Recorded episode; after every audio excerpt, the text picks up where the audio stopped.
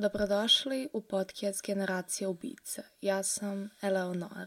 Celog decembra obrađujem samo slučajeva koji se desili za vreme praznika, znači Božića, Nove godine, tako da ako je to nešto što volite da slušate, obavezno zapratite moj podcast. Pričali smo o nestanku sodar dece, jednom hladnom slučaju koji do dan danas nije rešen i takođe smo pričali o rešenom ubistvu Joanne Yates. Jedan i drugi slučaj desio su se u vreme Božića i današnji slučaj desio se na badnje veče.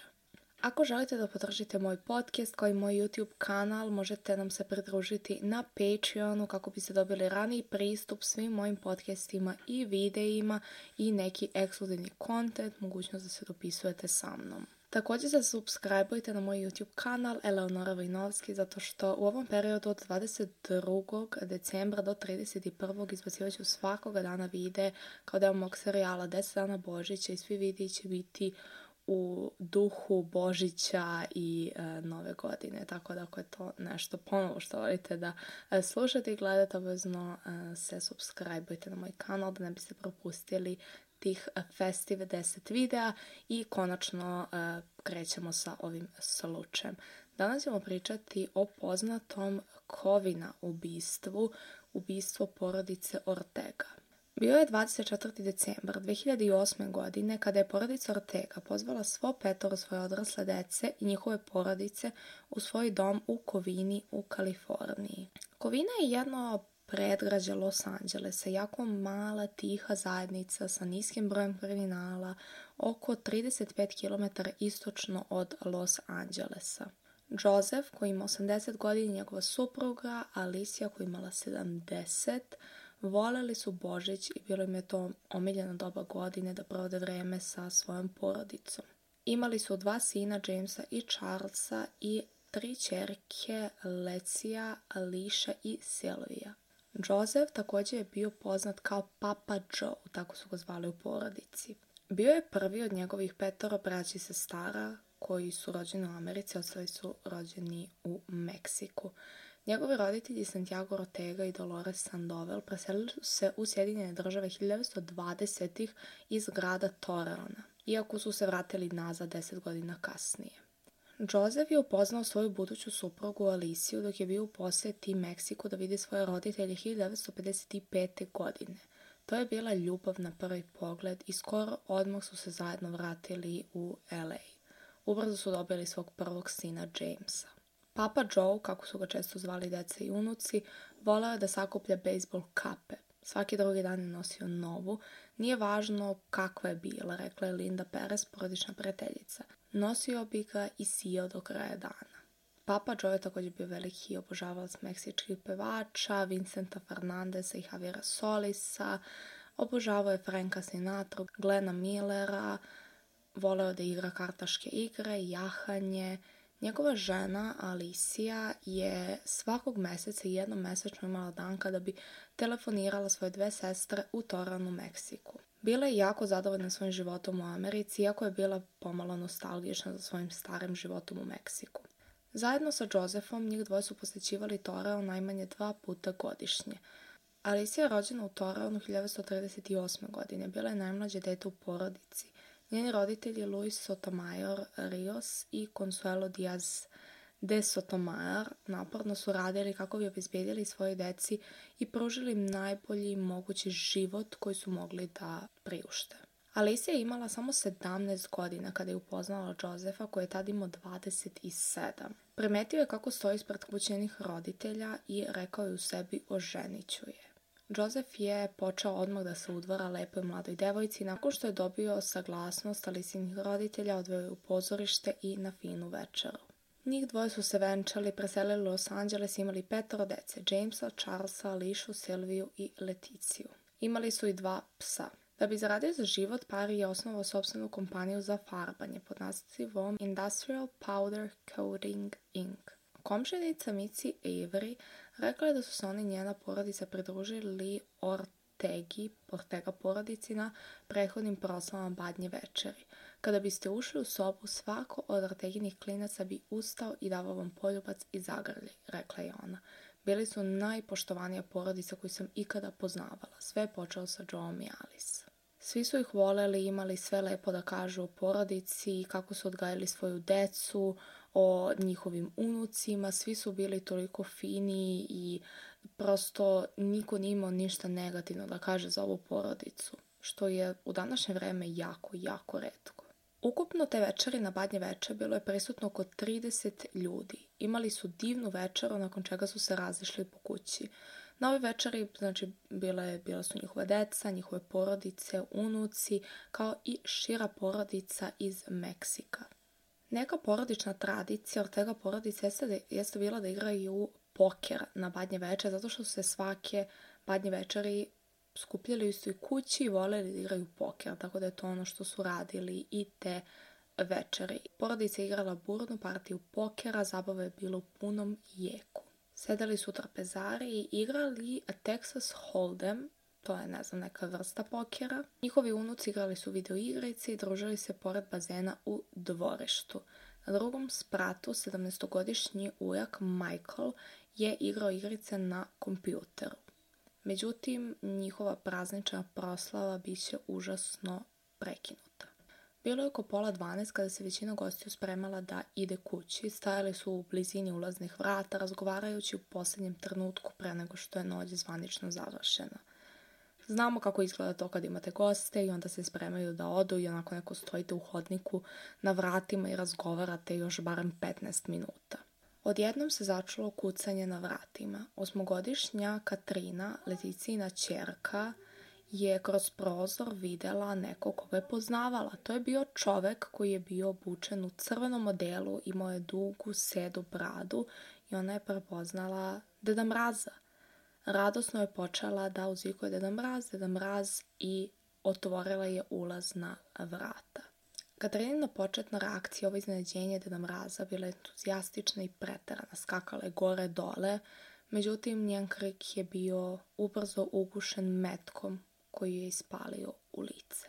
Ona je videla čoveka koji je bio odeven kao Deda Mraz i za sobom je vukao ogromni božićni poklon i naravno da će osmogodišnja devojčica pomisliti da je to stvarno Deda Mraz i da im nosi poklone. Ali to je bilo daleko od istine. Nekoliko sekundi kasnije, nakon što je upucao devojčicu, čovek koji je bio odeven obučen za mraza, njena dva ujaka su takođe pala na zemlju ranjena. Papa Joe, Alicia i njihove tri čerke su se sakrade ispod trapezarskog stola. Međutim, to nije mnogo pomoglo u ovoj situaciji. Skrivanje im nije mnogo pomoglo. Gost iznenađenja imao je u ruci poluautomatsku pušku i nije se plašio da ju upotrebi. Počeo je manično da ispaljuje metke po celoj kući, njihove šanse da prežive bile su jako, jako male.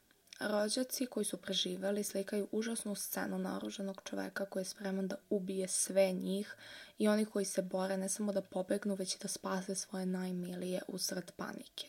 Kada je napadač stigao, e, mnogi odrasli su bili ispred ulaznih vrata, to jest ne ispred nego pored ulaznih vrata zato što su se spremali da odlaze, što ih je učinilo posebno ranjivim u ovom napadu.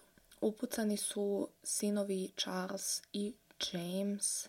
Jedna rođaka iz e, Meksika, to je bila prva rođaka odrasle dece Ortega koja je preživela, opisala je napad Jamesa i Charlesa koji su se mučili da ustanu i nakon što su ranjeni. Rekla je, čak i krvavi ustali su. Ustali. Pokušali su da ga, zbra, da ga zgrabe, da ga zaustave, ali nisu mogli. Čitavom kućom čuli su se krici, bežite, trčite, Joseph, Alice i njihove tri čerke nalazu su se ispod trpezarijskog stola, međutim ni jedan od njih nije preživeo. Jedina od njihove dece koja je preživala bila je Leticia, koja je majka ranjene osmogodišnje devojčice. Leticia, nakon što je videla kako je njena čerka ranjena, odmah je zgrabila i pobegla iz kuće kako bi pronašla pomoć za svoje dete. Dete se spasilo zato što je okrenula glavu u poslednjem trenutku i metak je pogodio u bočnu stranu vilice. Leticija je pozvala e, hitnu službu i počeo se deret. Treba mi neko da dođe i pomogne moj čerki. Ona je krvari pogođena je u stranu lica. Neki od odrasle su uspeli da zgrabe svoju decu i iznesu ih napolje. Većina, skoro svi mladi ljudi i deca su spašeni jer su se nalazili u zadnjem delu kuće u blizini televizije, verovatno igrajući video igrice. Prvi ljudi koji su pozvali policiju bile su e, komšije porodice Ortega koji su e, pozvali policiju i vatrogasnu službu zato što je njihova kuća gorela. Pozivalac je povikao dođite odmah, spaljuju nečiju kuću. Njihova kuća je bila cela u plamenu. Vatrogasci su upućeni do kuće Ortega porodica, ali su pozivi i dalje stizali. Neki su čak prijavili da su čuli pucnjavu iz kuće, a kada je policija stigla na lice mesta, bio je potpuni haos. Jedan poročnik je rekao, kada sam stigao, bilo bi tačno da to opišem kao apokaliptično. Jedina, jedini članovi porodice Ortega koje je policija mogla da locira bila je Leticija koja je uspela da pobegne od požara sa svojim mužem i osmogodišnjom čerkom kao što sam već to pomenula, ona se trenutno nalazila u bolnici. Kada je policiji rečeno šta se dogodilo, bili su šokirani. Neko obučen kao da mraz neočekivano je stigao u kuću Ortega i počeo da puca. Usled haotičnog prizora policija je dobila i dojevu od komšija, ona i njen muž su videli automobil kako napušta njihovu slepu ulicu oko 15 do 12. Nakon što je stavila APB na automobil, policija je počela da pretrasa spaljeni dom Ortegovih. Pronašli su tela spaljena do neprepoznatljivosti, koji su kasnije identifikovani kao nestali članovi porodice Ortega. Ukupno je ubijeno devet osoba. Srećom, većina gostiju je uspela da pobegne, uključujući svu malu decu osim jednog. Michael, 17-godišnji unuk porodice Ortega, bio je na spratu igrao je video igrice u vreme pucnjave, ali je tragično poginuo u požaru, nije uspeo da izađe iz kuće. Osim pokojnika, te noći su ranjene tri osobe. U ovom užasnom napadu preminuli su Ališa i Joseph koji su imali 70 i 80 godina, njihova deca Silvija, Charles, Joseph, Alicia. Takođe su preminuli Sherry koja je bila Charlesova žena, kao i Tereza koja je bila Josephova žena i Michael koji je bio Ališin sin. Dok je policija bila zauzeta istragom ovog masakra na Badnje veče, Istrage u susednom Silmaru u Kaliforniji pozvane su u još jednu kuću u kojoj se desilo ubistvo. Kuća Breda Parde, koji se vratio kući sa božićne zabave i pronašao svog brata Brusa kako leži mrtav u lokovi krvi. Kada su stigli, policija pronašla jedan hitac iz pištolja kalibra 9 mm u Brusovoj glavi. U Brusovom krilu je bio pištolj od 9 mm, a na podu je bio i drugi pištolj od 9 mm. Policija je također pronašla još jednu rupu od metka na plafonu i verovali su da je na mestu događaja možda bio i drugi strelac.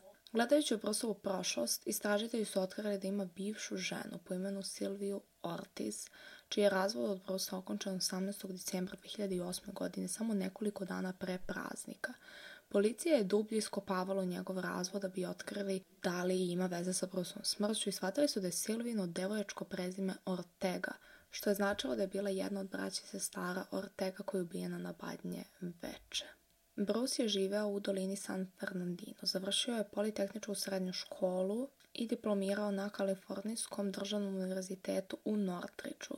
Radio je laboratorij za mlazni pogon u LA Kanadi Flintridge. Policija spekuliše da je motiv napada bio vezan za bračne probleme. Brosova supruga od godinu dana završila njihov razvod nedelju dana pre napada, međutim Bros nije imao krivične dosije i nije imao istoriju naselja. Otpušten je sa posla elektroinženjera u julu. Posle spekulacije da je do razvoda moglo doći zato što je Bruce e, sakrio dete iz prethodne veze. Ovo dete je teško povređeno u nezreći na bazenu nekoliko godina ranije i nije plaćao e, bilo kakvu alimentaciju za e, to dete ili, su, ili bivšeg supražnika. Bruce je imao bivšu ženu i dete. Elena Lucano, žena sa kojom je nekada bio u braku, njih dvoje zajedno imali su sina Matthewa i kada je on imao ne, nešto više godinu dana, Bruce je gledao njih svakog sina pazio na njega dok je Alena išla u kupovinu hrane. Kada je stigla kući, pronašla je Brusa kako drži u naručju onesvešćeno dete. Po njegovoj priči, Metio je pobegao od njega i pao je u bazen. Odmah su odveli Metiju u bolnicu gde je ranimiran i odveden u bolnicu specijalizovanu za pedijatriju.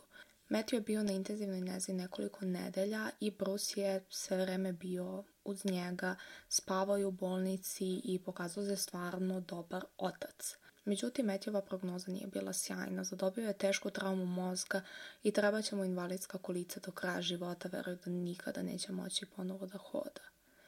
Nakon što je otpušten iz bolnice, Bruce je počeo što sve manje i manje da posećuje Metjeva. Šest meseci kasnije potpuno je raskinuo svoju vezu sa Elenom, nije joj pomogao oko medicinskih računa koji su se u prvoj godini nagomilali do 340.000 dolara. Kada je Bruce prestao da dolazi i da ih posećuje, Elena je tužila osiguranje, e, nije ga tužila lično, nego je tužila njegovo osiguranje za 100.000 dolara. Nakon što je primila novac, više se nije čula sa e, Bruceom, potpuno su prekinuli bilo kakav kontakt. Broz i Silvija su se upoznali 2004. godine i venčali se dve godine kasnije, početkom 2006. Njihova budućnost je u tom trenutku izgledala svetlo i sjajno. Posjedovali su kuću vrednu pola miliona dolara u tihoj, mirnoj, slepoj ulici u Monstronu. Njihova kuća je bila samo par kilometara udaljena od katoličke crkve u kojoj je Bruce volontirao kao čuvara. Takođe su imali slatkog psa i odgojili su petogodišnju čerku sa kojom je Bruce očigledno bio izuzetno blizak. Silvija je takođe imala još dvoje dece iz prethodnog braka, tako da su ukupno imali troje dece o kojem su se zajedno brinuli. Međutim, stvari su krenule nizbrdo veoma brzo.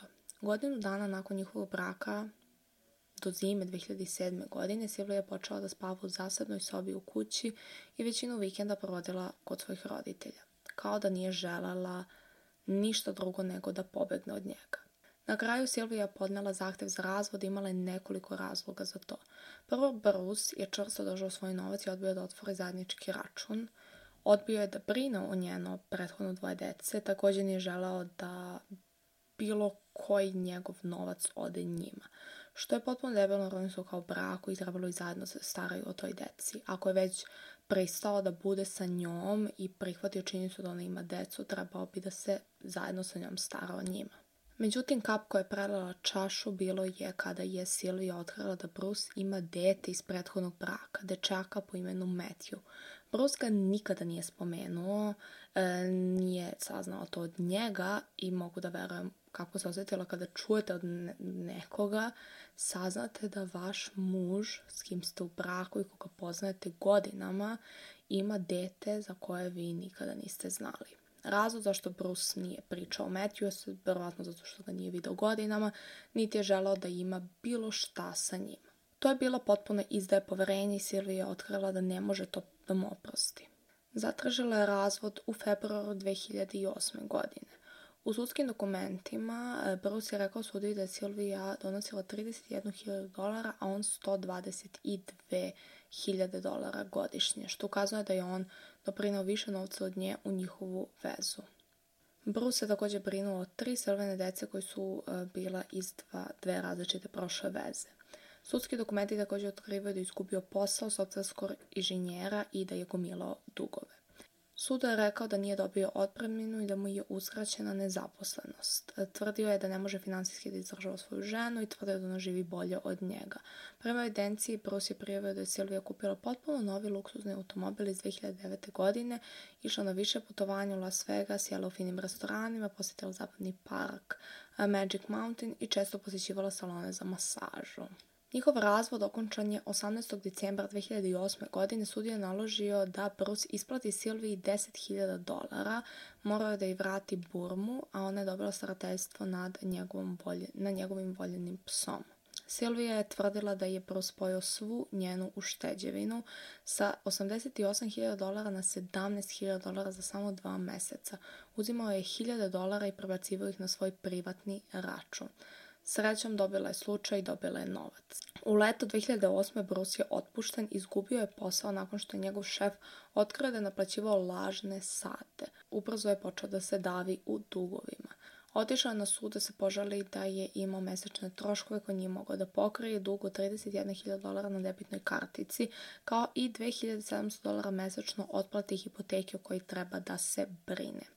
Žalio se na to zato što Silvija navodno uživa u životu kao nikada ranije dok on nema dovoljno novca da e, isplati sve šta ima. Znači, očigledno je da je u njihovom braku bilo dosta problema i da je njihov razvod bio jako komplikovan i da se dosta toga vrtalo oko novca, barem sa Brusove strane i da je definitivno osetio da je njemu nešto uskraćeno i da je njemu život gori, da Silvija uživa, putuje, ima novi auto, dok je on taj koji se muči, koji je u dugovima i nema dovoljno novca za život. Policija je istraživala smrt porodice Ortega i smatrala da njihova smrt nije slučajnost e, i verovali su da je njihovo sumnjičenje još uvek na slobodi. Kada su izvršili obdukciju tela iz kuće, otkrili su da su sve žrtve najmanje jednom upucane iz pištolja kalibra 9 mm. Na Božić policija je takođe intervjuisala Leticiju koja je rekla da je uprkos kostimu Deda Mraza, bradi, šešira mogla da identifikuje ubicu Brusa Barda.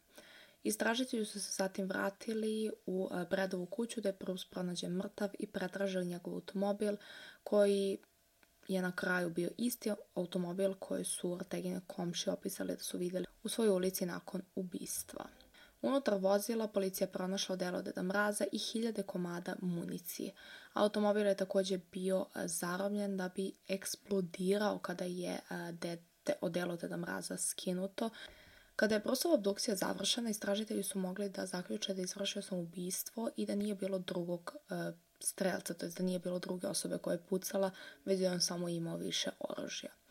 Obdukcija je također otkrila da ima užasne opekotine trećeg stepena na šakama i rukama, a deo pantalona Deda Mraza se istopio na njegovom telu.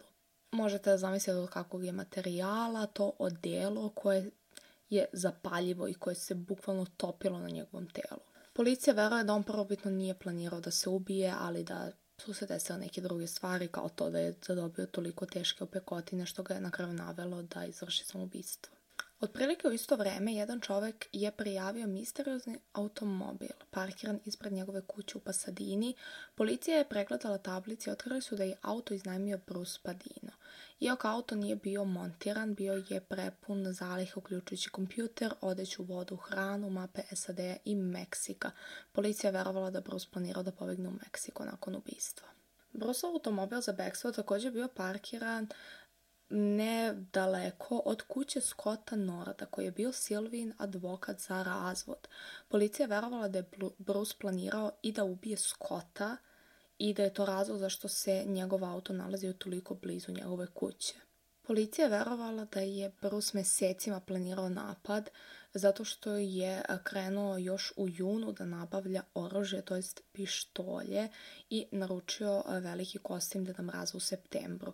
On je kupio e, pištolj svakog meseca, znači u junu, julu, avgustu, septembru i a, još jedan u novembru. Znači a, u Kaliforniji možete da kupujete oružje, samo jedno vatrano oružje mesečno. Znači ako kupite danas pištolj, tek za mesec dana ćete moći da kupite još jedan, tako da je on e, kupio i posjedovao pet pištolja koji je počeo da kupuje još u junu. Pretpostavka jeste da je ovaj razvod ono što je razbilo Brusa, da je postala njegova obsesija i da je počeo da smišlja načine kako, kako da vrati Silvi za to što je napravio od njegovog života. Um, odlučio je da neće samo da je ubije, već da će ubiti sve što je ona volela i uzeti joj sve – izbrisati sa lica zemlje. Pomenula sam da je Prus kada došao na mesto zločina, to jest ispred Ortega kuće, da su sa sobom vukao ogroman poklon. E, to je zapravo bila kutija u kojoj se nalazila jedna domaća sprava e, u kojoj je bilo kiselnika i visoko oktansko trkačko gorivo Prskao je gasove po kući i istražitelji veruju da se gorivo samo zapalilo pre nego što je on planirao da se to desi, zato što je bila, bio neki izvor vatra u kući ili je bila zapaljena sveća ili se pripremala neka hrana, e, možda su imali kamin ili nešto slično i kada je on krenuo da e, prska taj gas po celoj kući, da je došlo do eksplozije i da je to razlog mislim, način na koji je on zadobio te opekotine zato što nije očekivao da će to tako brzo da eksplodira. U kući je isprskao 60 litara benzina, što je nenormalna količina. Došao je do eksplozije koja ga je užasno izgorela, znači imao je pekotine trećeg i drugog stepena i um, nije pratio svoj plan da se odveze do e, kuće Silvinog advokata, već je rešio da ode do kuće svog brata gde se i ubio zbog toga što je shvatio da ove pekotine prosto neće preživeti. On je na svojoj nozi imao zalepljenih 17.000 dolara i avionsku kartu za Illinois. Međutim, promenio je planove zbog povreda koje je dobio. Njegov auto pronađen je kratko nakon napada e, i kao što sam pomenula, unutra je pronađen njegov kosim deda mraza. Međutim, on je opremio automobil cevnom bombom ali hvala Bogu bomba je detonirana dok se čistilo vozilo, tako da niko nije povređen. Policija veruje da je planirao da beži u Meksiko, a da je ta avionska karta možda trebala da bude diverzija kako bi e, zapravo pomislio da će da leti za Illinois, a da je sve vreme planirao da ode u Meksiko. Zato što generalno iz Kalifornije možete lako da dođete do Meksika, tako da je verovatno to bio njegov plan da se tim iznemljenim automobilom odveze do meksičke granice i možda dodatle E, možda odatle već ima planirano neki, neko drugo prevozno sredstvo, s obzirom da je na svoje ime iznajmio auto, možda je mislio da će uspeti da pobegne dovoljno daleko dok policija poveže njega sa ubistvom i dok se preživeli prisete da je on bio taj koji ih ubio, su ga svi poznavali tamo. Nakon što je ubio Ortega porodicu i e, zap, spalio njihovu kuću, njihova kuća je bila toliko užasno spaljena, Odvezao se 30 km do kuće svog brata u Silmaru gde je izvršio samoubistvo. Kada je odrađena obdukcija, saznali su da postoji izlazna rana na njegovoj glavi što sugeriše da je stavio pištolj u usta pre nego što je povukao okidač. Pronašli su neke njegove planove koji su naveli da je on planirao da pobije mnogo više ljudi, čak i svoju sobstvenu porodicu i njegovu majku. Rođaka porodica Ortega, koja je preživela, ljutito je rekla Hteo je da popije sve, čak i njegovu rođenu majku. Čudovište, čudovište, taj čovjek je bio čudovište. Ubio je dobre, vredne ljude koji su imali mnogo prijatelji koji su voleli svoj život. Neki članovi njihove porodice u Meksiku, kao njena majka koja u to vreme ima 84 godina, bila je bolesna, hospitalizovana u Meksiku, uopšte nije znala da se ovo desilo u porodici. Znači od nekih članova porodice koji su bili daleko i koji nisu imali pristup eh, medijima, krili su ono što se desilo u porodici zato što je bilo toliko strašno. Ova porodica je bila toliko bliska, toliko su voleli jedni, jedni drugije, provodili su praznike zajedno, iako su Josef i Alicia bili u Sjedinim američkim državama, posjećivali su Meksiko, što su češće mogli, pogotovo sada kada je Josef bio penzionisan i kada je prepustio svoj biznis svojim sinovima, bio je konačno spreman da se malo opusti, da živi svoj život, da putuje, da provede vreme sa svojom porodicom ali Bruce im je oduzeo šansu da se to desi. Sav Brusov bes je ključao dok nije dostigao tačku preloma koja će se godinama pamtiti kao božićni masakar u Kovini. Nakon pucnjave jedina preživala čerka Leticija otvorila je blog pod nazivom Leticina Nada gde piše o svom iskustvu. Njeni postovi na blogu dotiču sa najintimnijim i najbolnijim temama. Godine posle tradicija pomaže u lečenju, napisala ju u jednom od njih. Iako je sećanje da slavimo život ključno za naš opstanak, verujem da ništa ne može u potpunosti da izlači tako traumatičan događaj. Mogu da se fokusiram samo na budućnost. 2016. godine Leticia Ortega je pozvana u emisiju Opera gde je otvorila svoj put napred. Ne mogu da uradim ništa da promenim ono što se dogodilo, objasnila je ona. Mogu da se fokusiram samo na budućnost. Mislim da nisam naglasila, ali Leticina čerka je preživela, ona koja je upucana na vratima kuće, preživela bez ikakvih posledica, što je ono što je dobra strana cele ove priče. Ne znam uopšte kako bih završila ovaj ceo slučaj, zato što mislim da je ovo toliko, toliko strašno što se desilo u ovoj porodici i sam način na koji je ovaj čovjek odlučio da ubije porodicu svoje bivše žene, E, ne znam kako može da jednog trenutka nekoga da volite i da budete u braku sa njim i samo par meseci kasnije da želite da ih ubijete.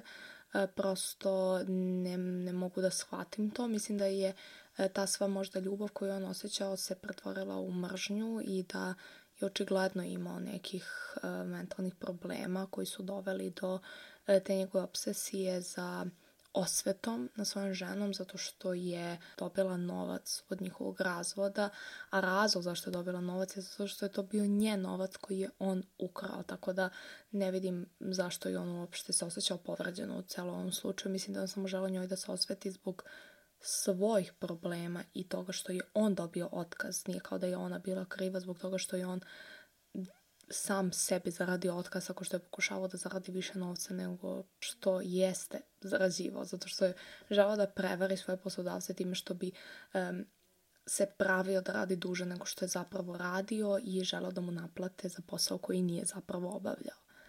Ne znam kako je Silvija tu bila kriva, mislim da je on sam kriv zato što je izgubio svoj posao i da ona tu nije mnogo loše nešto uradila.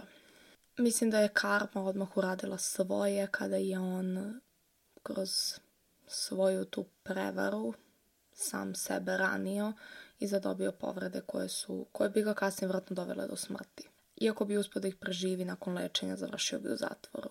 Ono što mi je najstrašnije jeste taj sam početak, to jest on koji je bio maskiran u um, kostimu Deda Mraza i sa sobom vukao džinovski poklon i mala devojčica koja je to videla koja je bila toliko presrećna koja je otvorila vrata i vrištala i drala se Deda Mrazi koja je vratno bila toliko srećna i nasmejana koja je skakala gore dole u tom balonu sreće eh, misleći da je videla uživo Deda Mraza i da je Deda Mraz stvarno došao na vrata kući da će dati poklon i da se to tako tragično završilo. Prosto pa ne mogu da zamislim gore što je ta devojčica nakon toga prolazila i da je vratno istraumirana od Deda Mraza i da nikada više neće moći da gleda ovaj ceo praznik, niti da da mraza istim očima kao kada je, kao pre nego što se ova užasna stvar desila.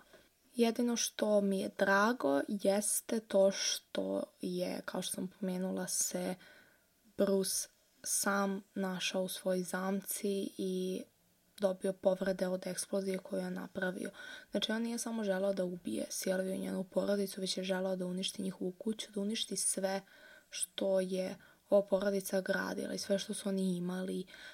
Da li je njemu možda falilo te porodične ljubavi u svom životu, pa je onda želao da se osveti Silvi na taj način što će uništiti njenu porodicu. Ne znam kakve je veze ona, e, kakve veze osveta Silvi imalo sa njenom porodicom, možda zato što je u poslednjim nekim mesecima njenog braka ona stalno odlazila kod svoje porodice i kod svojih roditelja zato što nije žela da provodi vreme sa njima. Želao je da krivi druge ljude za svoje greške za stvari koje on radio loše. Da je on priznao Sirvi da je ispričao šta se desilo u njegovom prethodnom braku i da imaš jedno dete, možda se ništa od ovoga ne bi desilo. Neverovatno je kako možete nekoga da dobro poznajete i da budete u braku sa tom osobom i da zapravo shvatite da uopšte ne znate tu osobu. Bruce nije uspeo da pobegne iako je planirao.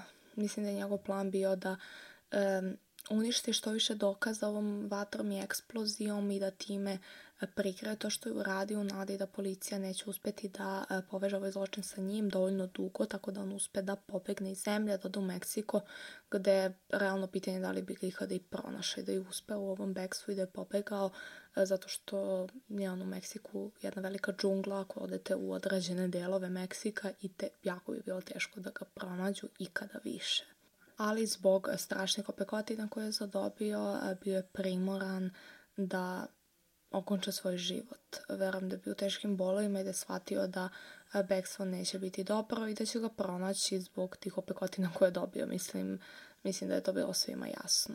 Barem nije uspeo da ubije nikoga drugog, iako je ubio toliko puno ljudi. Devet ljudi je ubio stvarno strašno. Sreća što su se ostali ljudi spasili, pogotovo mladi ljudi i deca, zato što, nisu, zato što nije toliko njih preminulo, iako je nažalost Matthew koji imao samo 17 godina izgubio život zato što nije uspeo da izađe iz kuće pre nego što se desila eksplozija. Ne mogu da zamislim nekako što je on prolazio koji bio je sam na spratu kuće i nije znao šta se dešava. Ovo je jedan stvarno užasan slučaj koji vas navodi da razmišljate o ljudima u vašoj okolini i da budete jako, jako oprazni, oprazni koje ljude pozivate u vaš život i u vašu porodicu i uh, još jednom nas upozorava o tome koliko je ovaj svet strašan i koliko su ljudi užasni, čak i neki ljudi za koje ste mislili da su mm, za koje ste mislili da, sa kojima ste mislili da možete da budete u braku i da gradite zajedno porodicu, sad sam da su sposobni da urade ovako nešto užasno. Ne znam prosto šta da kažem. Um, žela bih da čujem vaše mišljenje, tako da možete da mi pišete na Instagramu ako imate nešto zanimljivo da, da izjavite o ovom samom slučaju. Hvala vam puno što ste slušali uh, ovaj podcast, ovu epizodu mog podcasta. Ostane nam još jedna decembarska epizoda koja će biti jedan izuzetno popularan slučaj, slučaj koji je mene uveo u ceo svet E, kriminala, ubistava i svih sličnih slučajeva i stvari o kojima ja snimam posljednjih koliko godina. Tako da se jako radujem da obradim taj slučaj i da vam snimim podcast. Nadam se da ste uzbuđeni. Neću da vam odajem o čemu se radi zato što ćete verovatno i da pretpostavite zato što je to jedan od najpoznatijih nerašenih ubistava e, koji se desio baš na Božić. Ako vam se dopao ovaj podcast, e, pridružite se na Patreonu da biste dobili rani pristup za sve moje podcaste i YouTube videe i takođe me zapratite na kojoj god aplikaciji um, slušate, da li to bi Apple podcast, Google podcast, Spotify, Deezer, iTunes, Audible, obavezno me zapratite, eh, rejtujte moj podcast, dajte mi pet zvezdica, hvala. I da, to bi bilo to što se tiče današnje epizode. Mi se vidimo sljedeće srede sa posljednjom decembarskom festive epizodom. Ako niste pogledali prethodne dve, Misterija Soder Dece kao i Rešeno ubistvo John Yates. Možete to da se vratite i da oslušate. Hvala vam još jednom zato što ste oslušali ovaj podcast, a mi se uskoro vidimo sa novom epizodom. Ćao!